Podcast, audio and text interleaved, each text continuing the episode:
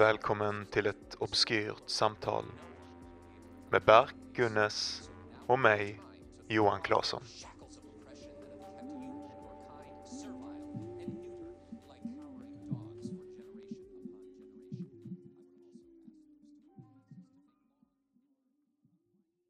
Ja, välkommen till ett obskyrt samtal.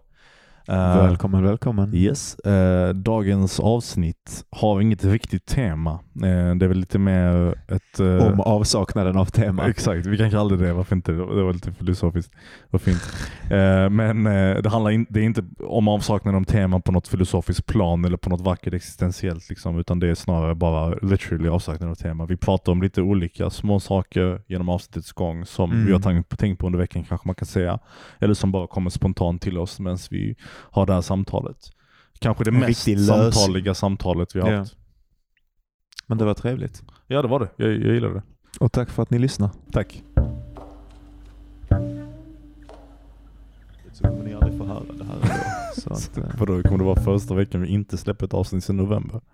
För att vi var Nej. så fucking dåliga. nej. Jag har sagt att vi borde skriva ner våra idéer under, för det, det kommer komma idéer under veckan så vi kan bara latcha in i något dokument och så Ja. bara har vi det där. Ja. Jag har Och jag också gjort- sagt det till jag- dig. jag har gjort så ett sånt dokument. det. Ja. ja, jag har sett att du har Mm. gjort ett sånt dokument. Men du har inte, Vi skulle, du inte ha den tillgången till vet det. du, jag har fan, eh, jag har fan eh, varit riktigt besviken på mig själv. eh, Faktiskt. Jag har haft en period där jag har gjort fel prioriteringar. Okej, vadå? Eh, Så när jag sa, jag satt precis utanför inspelningen och pratade om att jag mådde så jävla bra just nu Mhm. och därför eh, ska jag ingenting att podda om.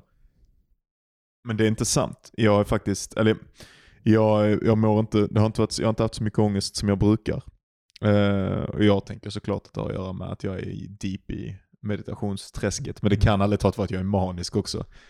Jag har, du är lite bipolär eller? jag tänker, jag har försökt att få den här diagnosen så jag tror du fucking många 100% är gånger. bipolär. Ja, jag tror inte det finns tvivel i mig Alltså, jag, jag blir så jävla uppfylld av livet, eller så jävla nere och det bara kommer och går. Men jag har, jag, jag, jag har försökt att göra sådana här um, tester där man liksom Mm. får kryssa i.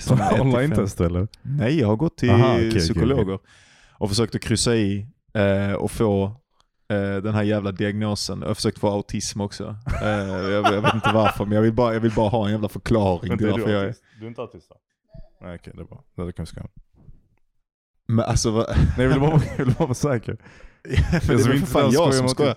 Vadå? Det är en, det är en, eh, en eh, tjej som jag träffar som heter Ella som sitter här på soffan och läser eh, lite grann böcker. Så Berk känner att han vill dra in henne i, eh, i bara- samtalet. Jag tycker det är jätteokej att göra det. Ja. Eller kan du dela med dig ditt eh, bankkort? Jag, jag måste säga, jag har verkligen inget att bidra till det här. Nej. Okej, tack. All right. Ja, ja. Det, var, det var en snygg sån shoulder till mig. Bara så fucking stör inte mig en gång till. Ja, verkligen. Shit. Det är en jävla pisspodcast ni sitter och mig. slängar här. Vi vet om det. Vi vet om det. Jag, jag har ingen bra självkänsla. Du behöver inte berätta det för mig. I alla fall. Ja. Ehm, eh, men så har jag hållit på med en massa andra jävla grejer. Eh, liksom mitt sociala liv. Träffat en massa folk, hållit på. Eh, och så har jag inte, och så har jag fan inte skrivit. Och sen så har jag, hade jag byggt upp en sån jävla rädsla du vet, som man gör. Hela jävla januari har varit helt åt helvete. Ärligt talat Mm. slutet av december och början av januari. Med Till tanke på- skrivandet eller? Mm.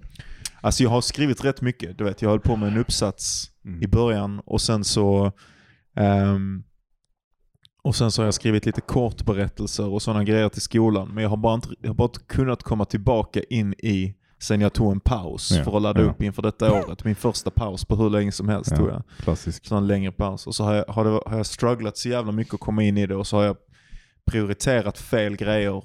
Och så hade jag en riktig sån jävla natt när jag, jag hade för en eller två nätter sedan typ lite insomnia. Och, eh, och liksom låg och bara hade så jävla mycket self-doubt typ, Mm. som vanligt. Vanliga gamla rundan. och Ja, om kreativ och skrivandet. livsval och sånt skit eller? Allting, det är väl liksom connected. Vad är, det, vad är det specifika du ofta brukar fastna vid liksom?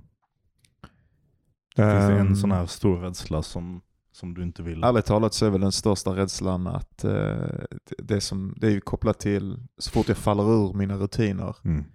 att, eh, att jag inte förtjänar Alltså att, att, att, jag, att, att jag då inte jagar det som jag vill. Alltså att jag är väl lite in, hjärntvättad in i det här att man måste arbeta hela tiden. Mm. Och när jag då kommer in i en period där jag inte gör det så har jag väldigt svårt att se att det är på det som en semester eller någonting. Mm. Utan jag tänker på det väldigt mycket som att, som att, ehm, ja, men som att jag bara är svag Mm. och inte i kontroll av mig själv och sånt. Okej. Och att det liksom kallar tillbaka till en tid där det kanske var sant. Där jag verkligen hade väldigt lite kontroll av mig Mm. själv. Jag vet inte. Jag är också... Jag har också varit väldigt... eh, ja, jag är nog väldigt, jag är nog manisk just nu. Jag tror jag är inne i en sån manisk period. Jag tror att det är en ganska tyst mani. Alltså jag är inte så super, super manisk. Men jag är också, som jag pratade om, tror jag, eller var inne på lite förra veckan, att jag är riktigt into self-help just nu. Alltså jag Mm. tittar alltså, extremt mycket på self-help videos på YouTube. Eh, jag eh, jag eh, lyssnar på self-help böcker hela tiden när jag, jag eh, går och sådär. Känner mig lite hög av det som man kan göra liksom. Eh, det är inte, jag vet inte fan. Jag, jag är bara på en sån, samtidigt på en konstig uppåtspiral. Mm. För det är också det som är det konstiga med self-help. Jag gillar det egentligen. Därför att jag tycker att det är ett jävligt funktionellt sätt Mhm. att liksom, att liksom påverka någonting eller sätta... Filosofi kan vara jävligt otillgängligt, jävligt långt borta. Det, det slår ofta djupare men de insikterna som man får är mycket mer molande eller går mycket Mm. mer på djupet. Liksom. Self-help är typ kärnan direkt. Eller det är så här bara, pa, gör detta, Jätte, gör jag är detta. jättesvårt för self-help överhuvudtaget. Du gillar inte det? Extremt De flesta mot människorna gör inte, eller jag känner att det är typ hälften hälften. Därför att jag tror att det är en definitionsfråga också. Antagligen så tänker man self-help som väldigt så här specifika så här influencer-liknande människor som kommer till skolor typ och håller tal framför massa elever och bara såhär ni kan också om jag kan. Och så har de varit Ja. knarkare eller skit innan och så nu har de blivit någon jävla fucking idiot som sitter och tjänar 30 lax på, på att snacka på en kommunal skola. Ja. Och det är min första bild av self- self-help. Och sen vet jag också att det finns sådana andra, på typ om man, hänger, om man typ kollar på TikTok eller på Instagram eller någonting så ploppar det upp sådana såna ekonomiska self-help-gurus. Typ han Gary V eller vad han heter. Och Just sådana det. andra sådana idioter i mina ögon som sitter så här i rum. Och så är det så här uppenbart att ingen är i rummet egentligen, det är bara dem. Och så har någon filmat det så att det ska se ut som att folk ställer dem frågor och så svarar de på de här frågorna. Och det är alltid massa sånt här, inte, samma typ av hjälp som jag tycker som, som nästan som horoskop är, om du förstår vad jag menar. Att det, är Att typ det så så det, general. det funkar på allt, alla människor. Och det är bara att om du kan sitta och lyssna på en YouTube-video, och nu snackar jag inte om vad du lyssnar för typ av self-help, utan bara den, den definitionen jag själv har. Men det är det nog väldigt general. Vad sa du? Jag tänker att det är väldigt general. Det är nog principdrivet. Liksom. Kanske, kanske. Jag, Jag, tänker att det är det som är motorn i self-help. Att det är, ehm, det är typ kombinationen utav en viss känslomässig manipulation. Så Mhm. jag tycker att när man går in i, om man ska konsumera den sortens innehåll och man känner att man behöver det. Eh, jag gör det ibland bara för att Alltså för det är precis som du säger, det är samma saker man får höra Ja, ja. alltid. Liksom. Det är ju mest, huvudfunktionen med det är ju mest att man, om man känner sig omotiverad och bara få en injektion utav motivering. Mm, mm. Och sen ett litet, litet lager utav idéer som man kan Jag direkt implementa. På, på det sättet kanske. så till exempel en grej som jag fick nyligen som jag har gjort då som faktiskt har hjälpt mig. Eh, det var att eh, jag kollade på en video med en snubbe som snackade om att man skulle ta, man skulle skriva ner vad man gjorde Mhm, på en dag. Alltså så när man satt på toan, skrev ner hur länge det tog. mhm. När man satt och scrollade YouTube, hur länge, ute och bara drällde runt, hur länge. Och så skulle man liksom se över hela sin dag och se hur man disponerade sin tid. Typ. Och då kunde man få syn på hur mycket tid som faktiskt blöder till prokrastinering. Och Mm. jag har väl prokrastinerat jävligt, alltså vanligtvis gör jag inte det så mycket, men nu på sistone så har det bara kommit upp mer och mer och mer Mm. och mer. Det är därför jag inte har skrivit, därför att jag gör en massa andra grejer, bland annat kolla på self-help-videos. Ehm, och, ehm, Grejen är att, ja, okej, jag, jag, jag förstår de sakerna. Och det, och jag har, ja. har, det har- det har lett tillbaka mig till skrivandet. Liksom. Okej, att jag har kunnat okej. producera mer arbete. I så fall ja. Alltså jag, jag, jag har kollat på så här, ehm, jag har haft en period när jag har kollat på uh, thailändska uh, reklamvideor. Okej. Och de är skitfascinerande för att det är så här det är typ så här någon slags tvålreklam eller typ så här diskmedelsreklam. Ja. Och så är den typ regisserad av någon exceptionell talang som är så här en, en mästare i emotionell manipula manu, Ja. ma, manipulation. Och så bara gör han en sån här vacker historia på typ 3-4 minuter om om diskmedel med typ i relation till en familj och han har förlorat sin dotter och någonting sånt. Och sen efteråt så bara fylls man av sån här, kän- alltså så här kärlek för sin familj eller allting som man inte borde känna av en diskmedelsreklam eller någon slags tvålreklam. Och det har ofta typ inspirerat mig. Det och typ Nike-reklamer. Har du sett här, de hardcore gamla Nike-reklamerna från typ 90-talet? Jag vet inte. De Just Do It-reklamerna. ja. Det är ju verkligen den typen av, av instant motivation Ja. som du pratar om. Att den pushar lite över gränsen för det är så någon som kämpar i regnet liksom Ja, ja, ja, på väg upp för en kulle någonstans. Han är en fattig kille och så är hans pappa handikappad Ja. någonting och så lär han sig att springa och bli till slut en jävla fotbollsspelare någonstans. Och så applicerar man det på sig själv lite och sen så har man plötsligt den här eh, motivationen liksom intryckt in. Men Jag det är bara det det är. Det, Ja. det pushar det över gränsen lite. Ja men kolla här nu, det är skitlätt att bli beroende. Jag, jag fattar exakt vad du säger och det finns ett inbyggt problem i de här grejerna. Att de är så jävla hopkopplade med kapital Ja. att eh, de har egentligen inget incitament för att faktiskt hjälpa dig ur någonting. De har ett incitament att sälja mer produkter. Ja, Därför har de ett, ett behov av att du ska fortsätta vara Och det gäller Trasig, både, liksom. både thailändsk liksom, och, Och- och självhjälp ja, och precis. allting sånt som är, är motiverande. Nu är det, jag skulle säga att det är ännu mer i, i självhjälp därför att den här thailändska reklamen så om de säljer en annan produkt så spelar det ju egentligen ingen roll för dem om du faktiskt reconnectar med Mm. din familj eller inte. De, det viktiga är att du associerar känslan av att Mm.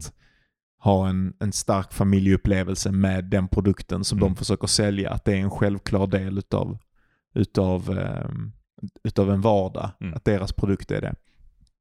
Men med självhjälp så bygger det ju jävligt mycket på att du är egentligen fortsatt trasig. ja. Eh, alltså för att de ska kunna fortsätta sälja sina produkter till Ja, dig så, ja. så bör du ju aldrig bli... Men, Eh, men, bättre. men Det du betalar inte för din självhjälp? Nej, jag gör inte Nej. Så det är en Eh, annan typ av självhjälp Ja, också? precis. Men, men de är ju, men, och det gör ju inte de flesta. Men, eh, men det är ju inbyggt i ehm, den business modellen. Och det Mm. är så som alla de här företagen tjänar sina egentliga pengar. Är, är Ja, ju på att, att dra in folk Du, eh, du, i du, du skapar ett namn för dig själv som en självhjälpsguru och sen så precis. kommer någon procentdel av dem som tittar på en YouTube-video liksom vilja... Och, och säkert går det bra för, för eh, vissa som ger sig in i det. Jag tror Ja. att det är folk som, eh, som, som inte har shit going on in life som sen tar liksom en Gary V-kurs Ja. eller någonting och som sen liksom går in i, i eh, någon, jag vet inte vad han håller på med, någon jävla network marketing eller någonting och, Ja, eh, och sen tjänar pengar. Ja. Eh, men majoriteten gör ju inte det. Så Men- jag tänker, alltså, jag, i- men jag tycker samtidigt att det finns någonting cyniskt i det som vi var inne på tidigare. Ehm, alltså typ att, att, att bara göra motstånd mot berättelser som är ämnade att skapa motivation. Okej. Eller att, att gardera sig själv mot den sortens bilder eller den Ja, sortens berättelser, den sortens narrativ. Eh, bara på grunden att det är sammankopplat med kapital. Gör att man kan skada sig själv. Jag hörde någon gång, eh, Mm. eller skada sig själv, gör att Alltså du kan ju använda de jävla Nike-reklamerna till att känna den jävla spiken. Nej, jag- jag hör vad du säger. så här, Och det- och det sätta dig och skriva att- så länge du jobbar. Ja, alltså kolla så här då. Typ mm, tv-industrin är hyllad idag som en av de stora fronterna i berättande. Tv var inte alltid så innan. Liksom. Tv på ett sätt var ju byggt för, ru- runt idén att marknadsföra specifika pr- produkter vid olika tillfällen. Ja. Och hela liksom den, den narratologiska strukturen i en tv, i tv-avsnitt Mhm. från början grundar sig i de här reklampelarna som ska återkomma vid olika tillfällen. Mm. Därför kan du se på vissa så här, eh, vet, så här 20 avsnitt per säsongsserie från typ 2005-2006. Att det finns så här specifika väldigt ehm, eh, artificiella punkter där spänningen är som mest. Ja. Liksom, precis innan reklamen. Och det, kommer, och det är självklart tänker man ju så här helt osynligt bara. men Det är bara för att man ska vilja att de tittar vidare. Men nej, men det är för att de vill att den reklamfilmen som kommer därefter ska vara precis där, där du vill som mest reda på vad som händer senare. Just det, så det är den dyraste slotten att Ja, ja, och, exakt. och exakt, köpa. Ja. exakt. Och, och, och sen har ju tv liksom flyttat sig bort från det, men i, i sin grund så är det ju fortfarande, oavsett hur man än ser på det, en, eh, produkt av ett kapital. Alltså det handlar ju om att tjäna in pengar. Det är det enda det är för någonting. Netflix producerar ju hundratals serier varje år för att du ska prenumerera på deras tjänster. Det låter banalt men, men det är värt att tänka på när man ska kritisera någonting för dess eh, koppling till, till att tjäna pengar. De här Mm. självhjälpsvideorna är på samma, sa- samma sätt liknande produkter. Mhm. Varför kritisera en självhjälpsvideo på Youtube som är gjord för att någon ska tjäna pengar om du kan känna känslorna du känner Mhm. om, samtidigt som du inte kritiserar typ Six Feet Under eller något sånt. Som är typ världens vackraste tv-serie som får dig känna massa skitsaker. Ja, Mhm. men den är ju precis lika mycket produkt som den. Men jag, jag, och jag ser det som djävulens advokat lite för att samtidigt som jag tycker det så tycker jag fortfarande att det finns ett betydligt större konstnärligt värde i berättande i de formerna som tv och film har idag än de, det värdet som en sån här Gary V self-motivation video har. Just av den anledningen att jag tycker inte det finns något till det mer än, alltså det är en skala liksom. Eh, Den är, poängen att tjäna pengar för att motivera människor är väldigt mycket tydligare där än den är i annan film, annan tv. Mhm. Om du förstår vad jag menar. Det är så här, jag är här för att säga ehm, du ska göra så här för att må bättre och i slutändan så vill jag att du ska köpa mig som en produkt så att du kan må ännu bättre senare. Det låter nästan som ett pyramidspel av självmotivation typ. Och jag tycker det är funkar genomskinligt. så. liksom. Absolut funkar det så.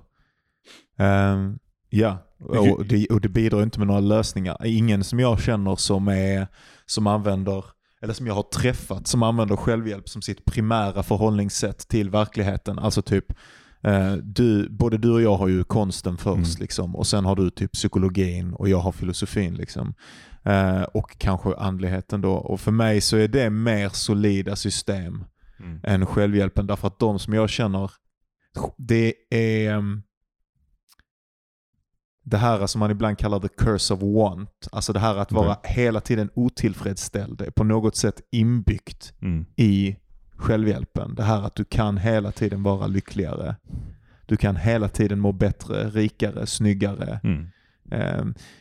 Idén om det här perfekta tillståndet som en morot liksom på slutet av en pinne är hela tiden där som det som man blir såld av. Så du, du, du, det du blir hög på är att du kastas i den riktningen. Ja.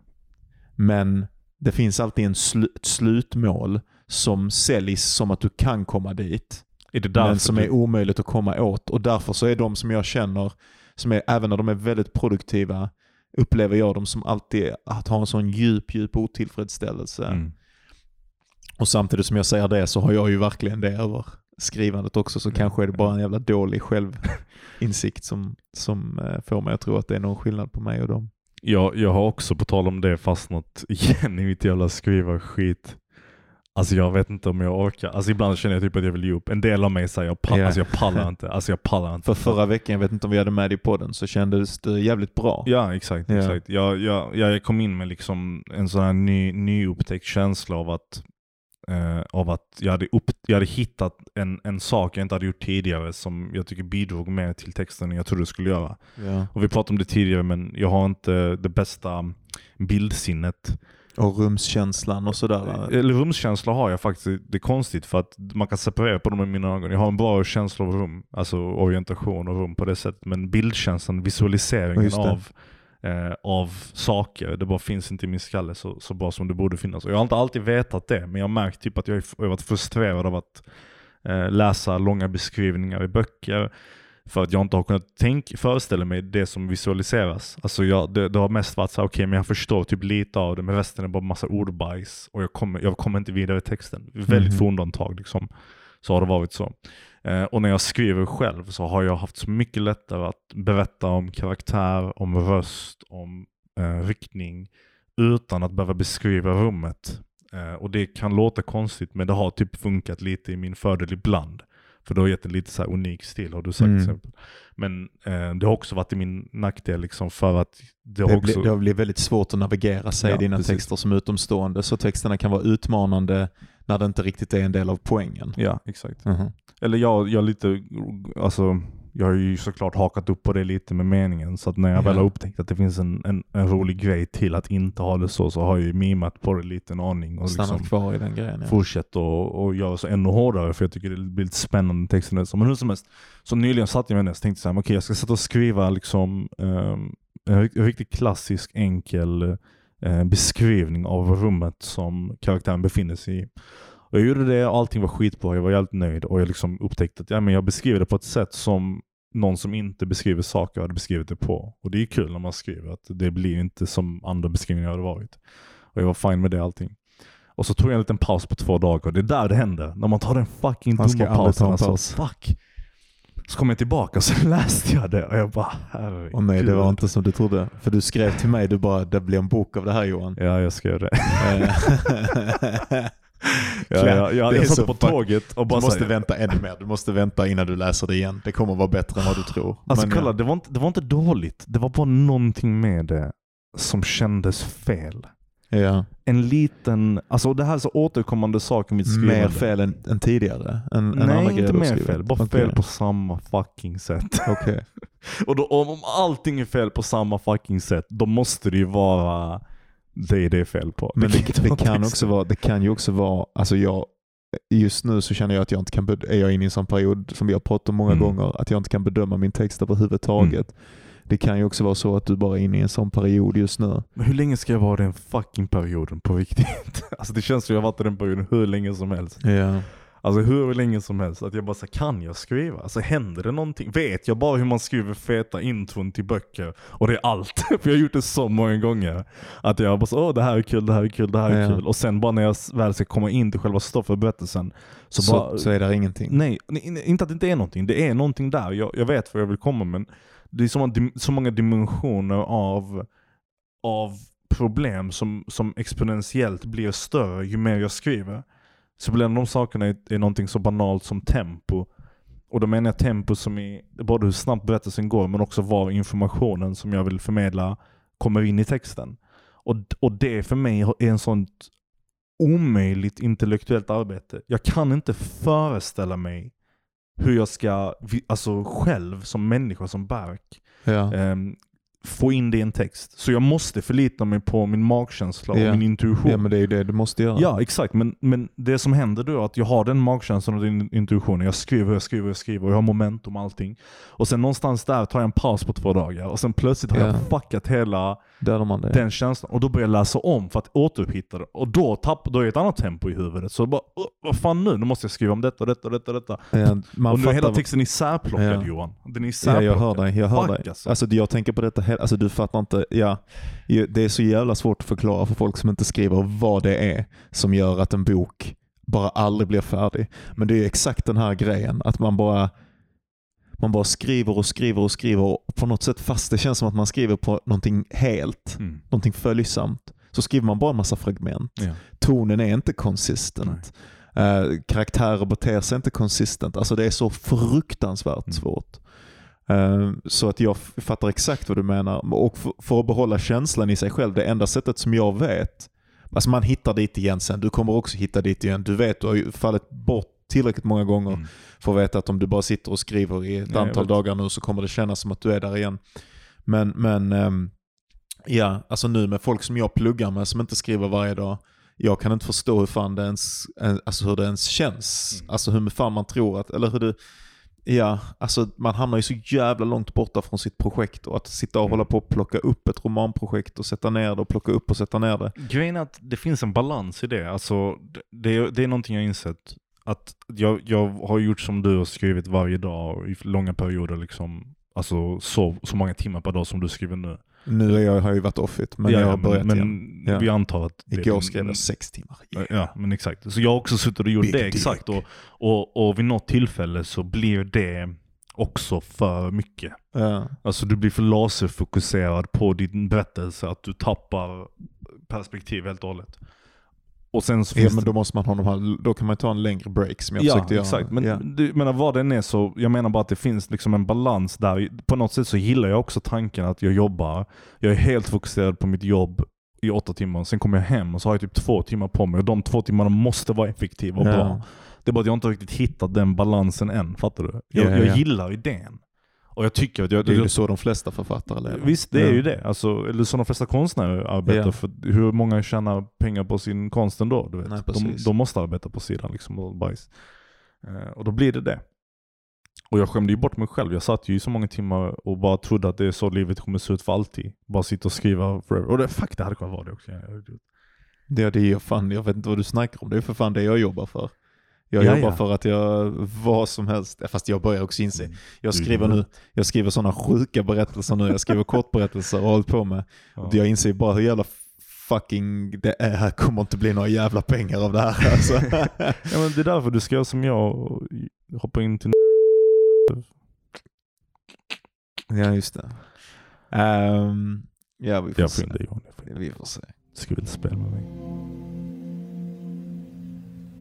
Det som är gött med att skriva, eh, skriva på kortare grejer också, skriva noveller just nu, är fan att eh, jag inte känner sån jävla press att det måste vara perfekt. Alltså Ja. jag är verkligen fast hela tiden i det, den stora romanen, men Mm. jag känner att det måste vara ett, ett, ett mästerverk. Och så, så den här hel, fram och tillbaka liksom pendlingen mellan att det kanske inte kommer bli det och sen ibland så Mm. känns det som jag bara, vänta, vänta, jag ser igenom djungeln, jag ser solnedgången liksom.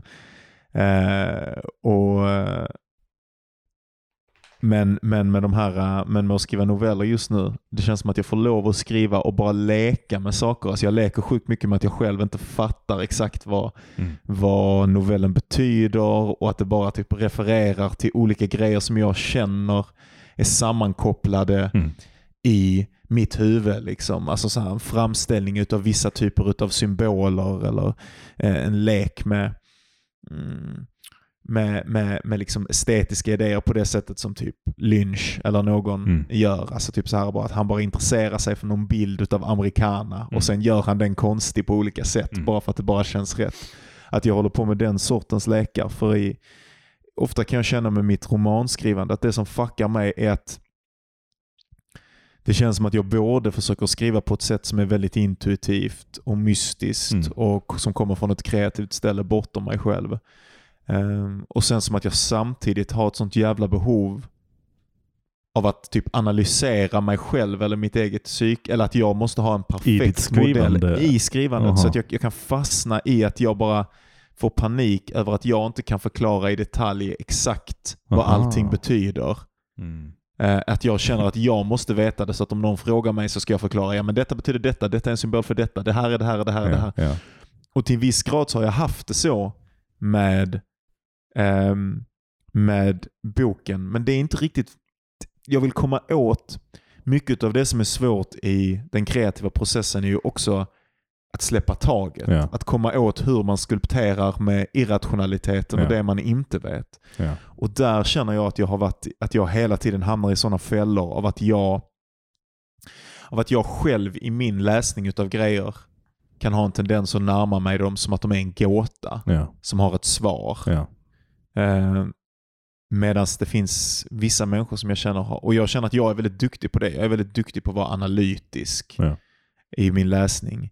Eh, men att det kan skada mig ibland att vara så överdrivet analytisk. Eh, min, eh, min hund är uppe och klättrar här på sofforna och har en stor grön orm i munnen som man försöker få Berk och, och, och leka med. Mm, att det, kan, det är bra i vissa avseenden att vara så analytisk men det, det, det kan också verkligen Jag vet inte om jag fattar vad du menar med analytisk. Alltså typ att, att ja men just det här att närma sig, att närma sig eh, berättelser som att det är ett pussel i Ja. princip. ja. Att det finns ett svar, Ja. en, ett, ett annat ord bakom varje symbol som man egentligen kan säga, ah, det här betyder det. Alltså som att man kan reducera ner en berättelse till Men- en eller flera exakta pussel. Liksom. Vad är pusslet då? Är pusslet händelserna i berättelsen eller är pusslet Nej, specifika? det är vad berättelsen bet- quote unquote Ja. betyder. Jag tror att det finns en, det finns en tendens, det, det är nästan en, en slags, ehm, Fan det är svårt alltså. ja, jag hatar att jag, alltså i, i, i vissa avseenden hjälper det mig. Mm. Ehm, men, men ibland kan jag bara inse att andra människor kan ha ett förhållningssätt till berättelser till exempel som är mycket mer drivet på bara estetik Ja, ja. eller eh, b- bara känslor eller sådär. Det var min, det, det stora fina med Teaterhögskolan, att de människorna som jag arbetade med där, Var helt, sket helt och hållet ja, i de hade inget betydelse. intresse för betydelse. Ja, Det var bara det visuella. Och Det betyder att man kunde sitta och skapa fina bilder typ. Ja. Som var skitsnygga och så jävla kreativa. Bara Ja. sådana esoteriska, hemliga rörelser. Typ, Ja, som precis. bara wow. Och jag, och jag, och jag som, som skrivande person kämpade så mycket med att försöka förklara för mig själv. Att det här var okej. Ja, och, och typ göra skapa Ja. som okej men detta betyder detta. Och de bara så här, var helt främmande till det. De bara, va? Vadå? Det här är ju bara en björn som går här på Ja, scen. precis. liksom. Och man bara, men varför det? Eh, Men jag tror, vet vad jag tror det är? Att, Alltså, fan, tror du det finns så olika liksom, sätt att approacha den typen av symbolik på? Eller visuella bilder på? Eller, eller Jag är det bara samma sak på olika Jag sätt? tror att det är ett o- oändligt ant- Ja. jag, jag tänker nog att det är både och samtidigt. ja. Liksom. Att eh, det finns ett oändligt antal sätt att förhålla sig till. Jag tror varje konstnär förhåller sig till sin konst med en skillnad i grad. Mm, Liksom, på, på vilken vikt man lägger till symboler och vilken, vilken, till vilken grad. Alltså typ, jag tycker ju till exempel att Orwell Mm. inte är särskilt finessig. Jag gillar inte Orwell och nu är det ju jävligt mycket människor som pratar om Animal Farm och 1984 Mm. hela tiden. Och anledningen att jag inte gillar Orwell det är därför att jag tycker att, alltså typ som Animal Farm, han har bara gjort sin analys av kommunismen och sen Ja. har han bara sagt att det är djur istället. Eller han har bara låtit det vara djur istället. Och sen så, där, den är ju egentligen en berättelse som är skapad för en person som är, alltså det handlar bara om att lösa gåtan. Ja. Ja men det här handlar egentligen om kommunism. Och sen så, intressant att du säger det. Jag måste bara lägga till en kommentar här. Därför att jag såg en föreställning på, när jag pluggade på Teaterhögskolan av en av våra lärare. Eh, där, fan, kommer inte ihåg hans namn just nu. Men han skrev en adaptation av, av Animal Farm som Mm. var exakt det du vill ha från den. Det var liksom, han tog bort allt det där och typ skapade någon sån här symbolisk, djupt liksom mystisk berättelse ja. Som var bara fylld med så här uppväpningar och ljud och djur som knorrade ur det och lät och Ja. ljus som fucking, ja, det var fantastiskt.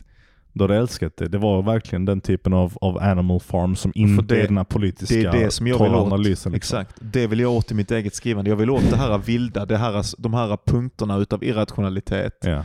som, som störtar på det sättet. Vad fan är det vi försöker skildra när vi liksom gestaltar grejer? Vi försöker ju ändå gestalta, ehm, du vet, kärleken, rädslan, Ja. eh, ångesten inför döden, mystiken, vad Ja. det nu än kan vara. Alla de här sakerna utgör ju irrationella punkter Mm. i verkligheten som bara kan finnas i människans simulering Mm. utav den.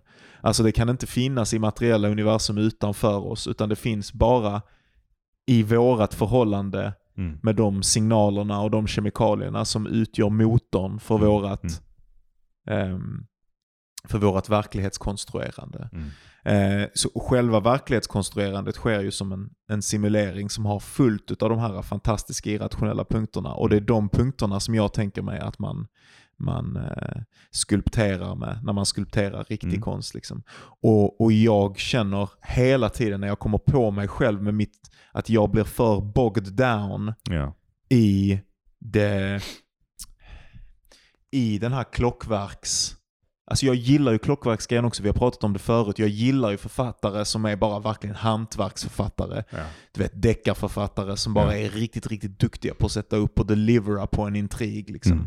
Men jag vill också ha in det här irrationella och jag känner att jag hela tiden, ibland kommer jag åt det på olika sätt. Mm. Men sen så känner jag mig tvingad att, att förtäta och förtäta bilderna Det- tills jag de är helt meningsbärande och tills Ja, det egentligen ja. bara finns en Det går- rätt tolkning ja, i mitt huvud. Liksom. Det är jättebra sagt då. Och, och det går inte. Därför att, Det går inte. Nej, det går Man inte. blir galen. då, då, då har man redan knådat i sönder Och man den dödar för den, mycket. Ja. Och, och en annan sak man måste tänka på tror jag också att man approachar ju, man, alltså som författare och som människa, eller konstnär eller vad du nu vill, så approachar man ju den här typen av mystik eller känsla som man vill komma åt från, troligtvis från helt fel håll. Och då menar jag så här exempelvis, om du föreställer dig typ att du, det är så klassiskt grej, men whatever, men föreställ dig att du hittar en klocka på stranden liksom, och du har ingen aning, du har ingen förs- förståelse av vad den här klockan är för någonting eller vad det betyder eller hur det funkar. Och du ser bara dess funktion utifrån och dess funktion Ja. för dig är eh, bortom mystik. Det är det, det är det sjukaste du kan föreställa dig. Du, kan Mm. efter, du kan försöka återskapa den klockan genom att återskapa rörelsen av tim, tim, tim eh, vad heter den eh, lilla saken?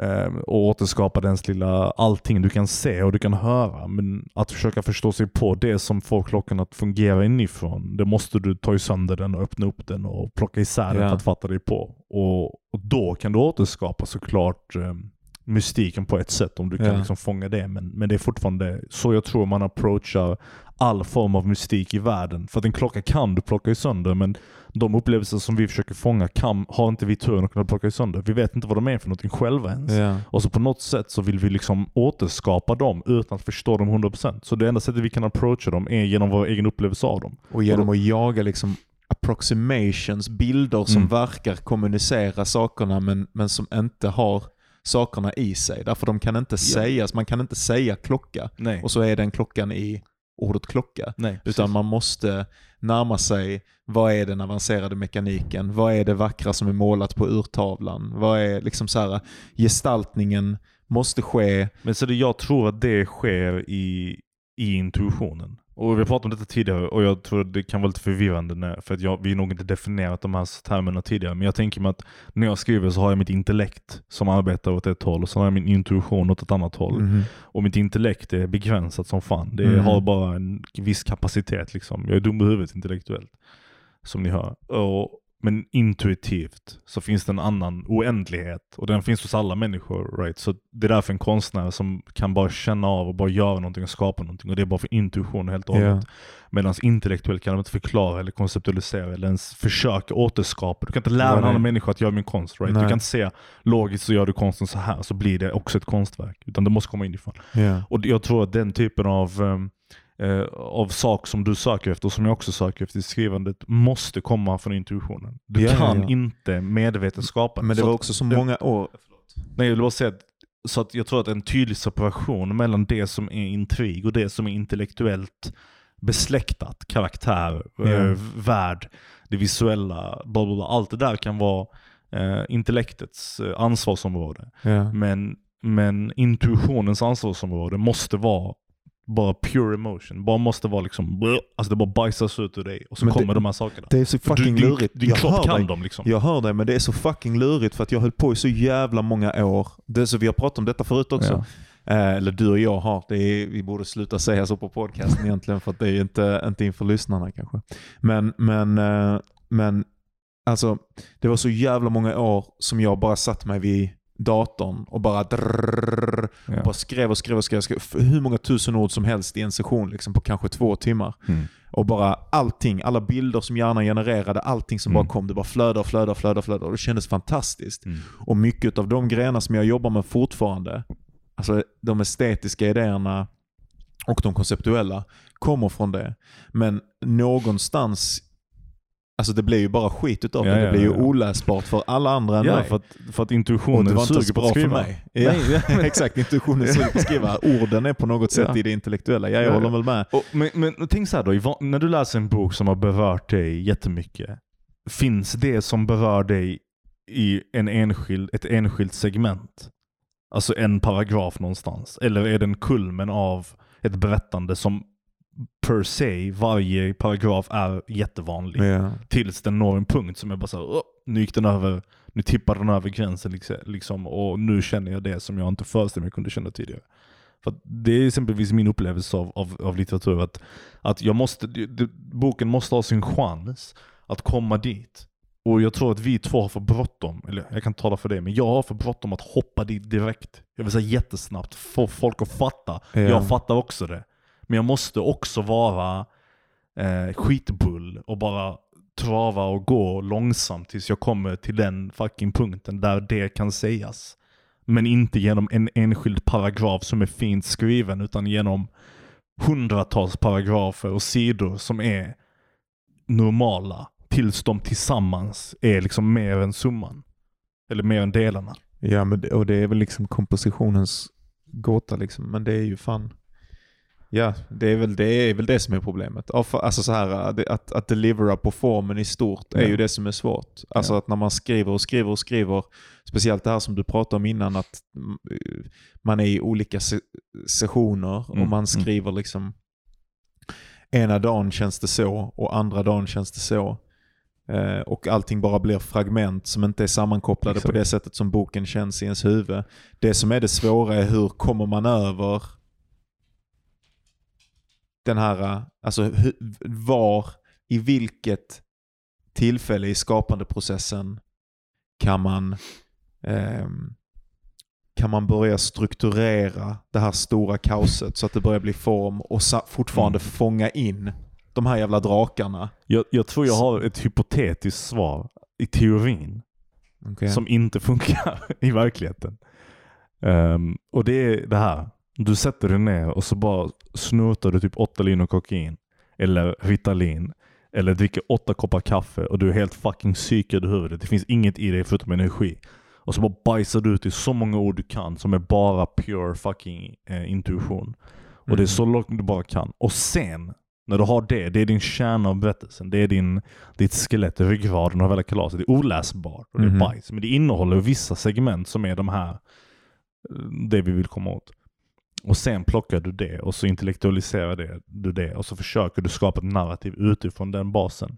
Tills du hittar liksom ett skelett som känns som en bok och så bara knådar och knådar och knådar utan att värdera för mycket. Ja. tills du hittar det. det, det ja, det är väl där man är i processen nu. Ja exakt, Ja. jag tänker mig det är så man borde göra men vad fan vet vi. Men det, ja, det tar väl lång tid. Och nu kommer vi till elefanten i rummet. Johans fucking ego. Jaha, du vill gå in, du vill Ja, gå in på ego nu på den här sista? Det finns ja. inte en sekunds tvivel i min kropp att jag inte ska prata om ditt fucking enorma ego. Okej. Nej jag bara, jag bara skojar. Um, Vi tänkte egentligen att vi skulle ha pratat om ego idag, men det blev Ja. fan, eh, det, blev, eh, det, det kändes inte rätt. Vi Nej. kom inte åt riktigt, så vi behövde väl prata om skrivande lite grann. ja. Men jag vill gärna, gärna göra ett avsnitt någon dag när vi pratar om vad, vi, vi pratar om varandra. Och saker vi inte Bilder. gillar hos varandra. Jaha, Jag tyckte det var oj, skitintressant. laddat. Ja det kan vi göra. Inte elakt Alltså utan... som en, som en eh, relationsterapi. Ja exakt. Ja. Alltså, och inte elaka saker inte så jag tycker fucking Johan blablabla, utan verkligen gå in på. mycket elaka saker, så det är Du- tur för dig att inte jag berättar dem alltså. Alltså det känns, jag har sån känsla att du snackar skit om mig hela fucking Alltså tiden. du, inte, du, alltså du kan inte ens börja föreställa dig hur mycket skit jag snackar Alltså om. jag svär, Alltså, jag har typ såhär fantasi att jag ska råka det öppna är- din mobil så ska stå såhär fucking Nu kommer kuksugar, fucking idiotjävel Berg. ass Han är så fucking dum. Har du hört vad han, hur han snackar? Hans äckliga uttal på saker och skit. Jag gör ingenting annat än att ge dig komplimanger dagarna i ända kompis. Jag hoppas det. Ja. Så du behöver nog inte oroa Och dig. vet du vad? Det gör jag också med dig bitch. Mm.